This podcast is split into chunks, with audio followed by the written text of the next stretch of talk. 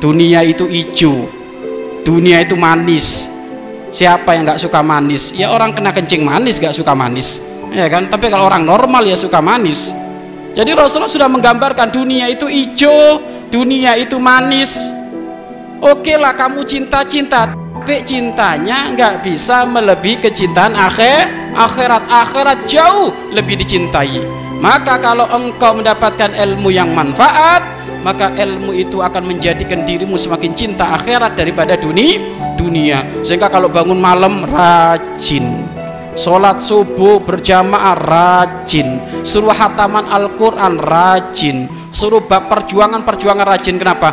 Karena ini adalah ketentuanku hidup di akhir di akhirat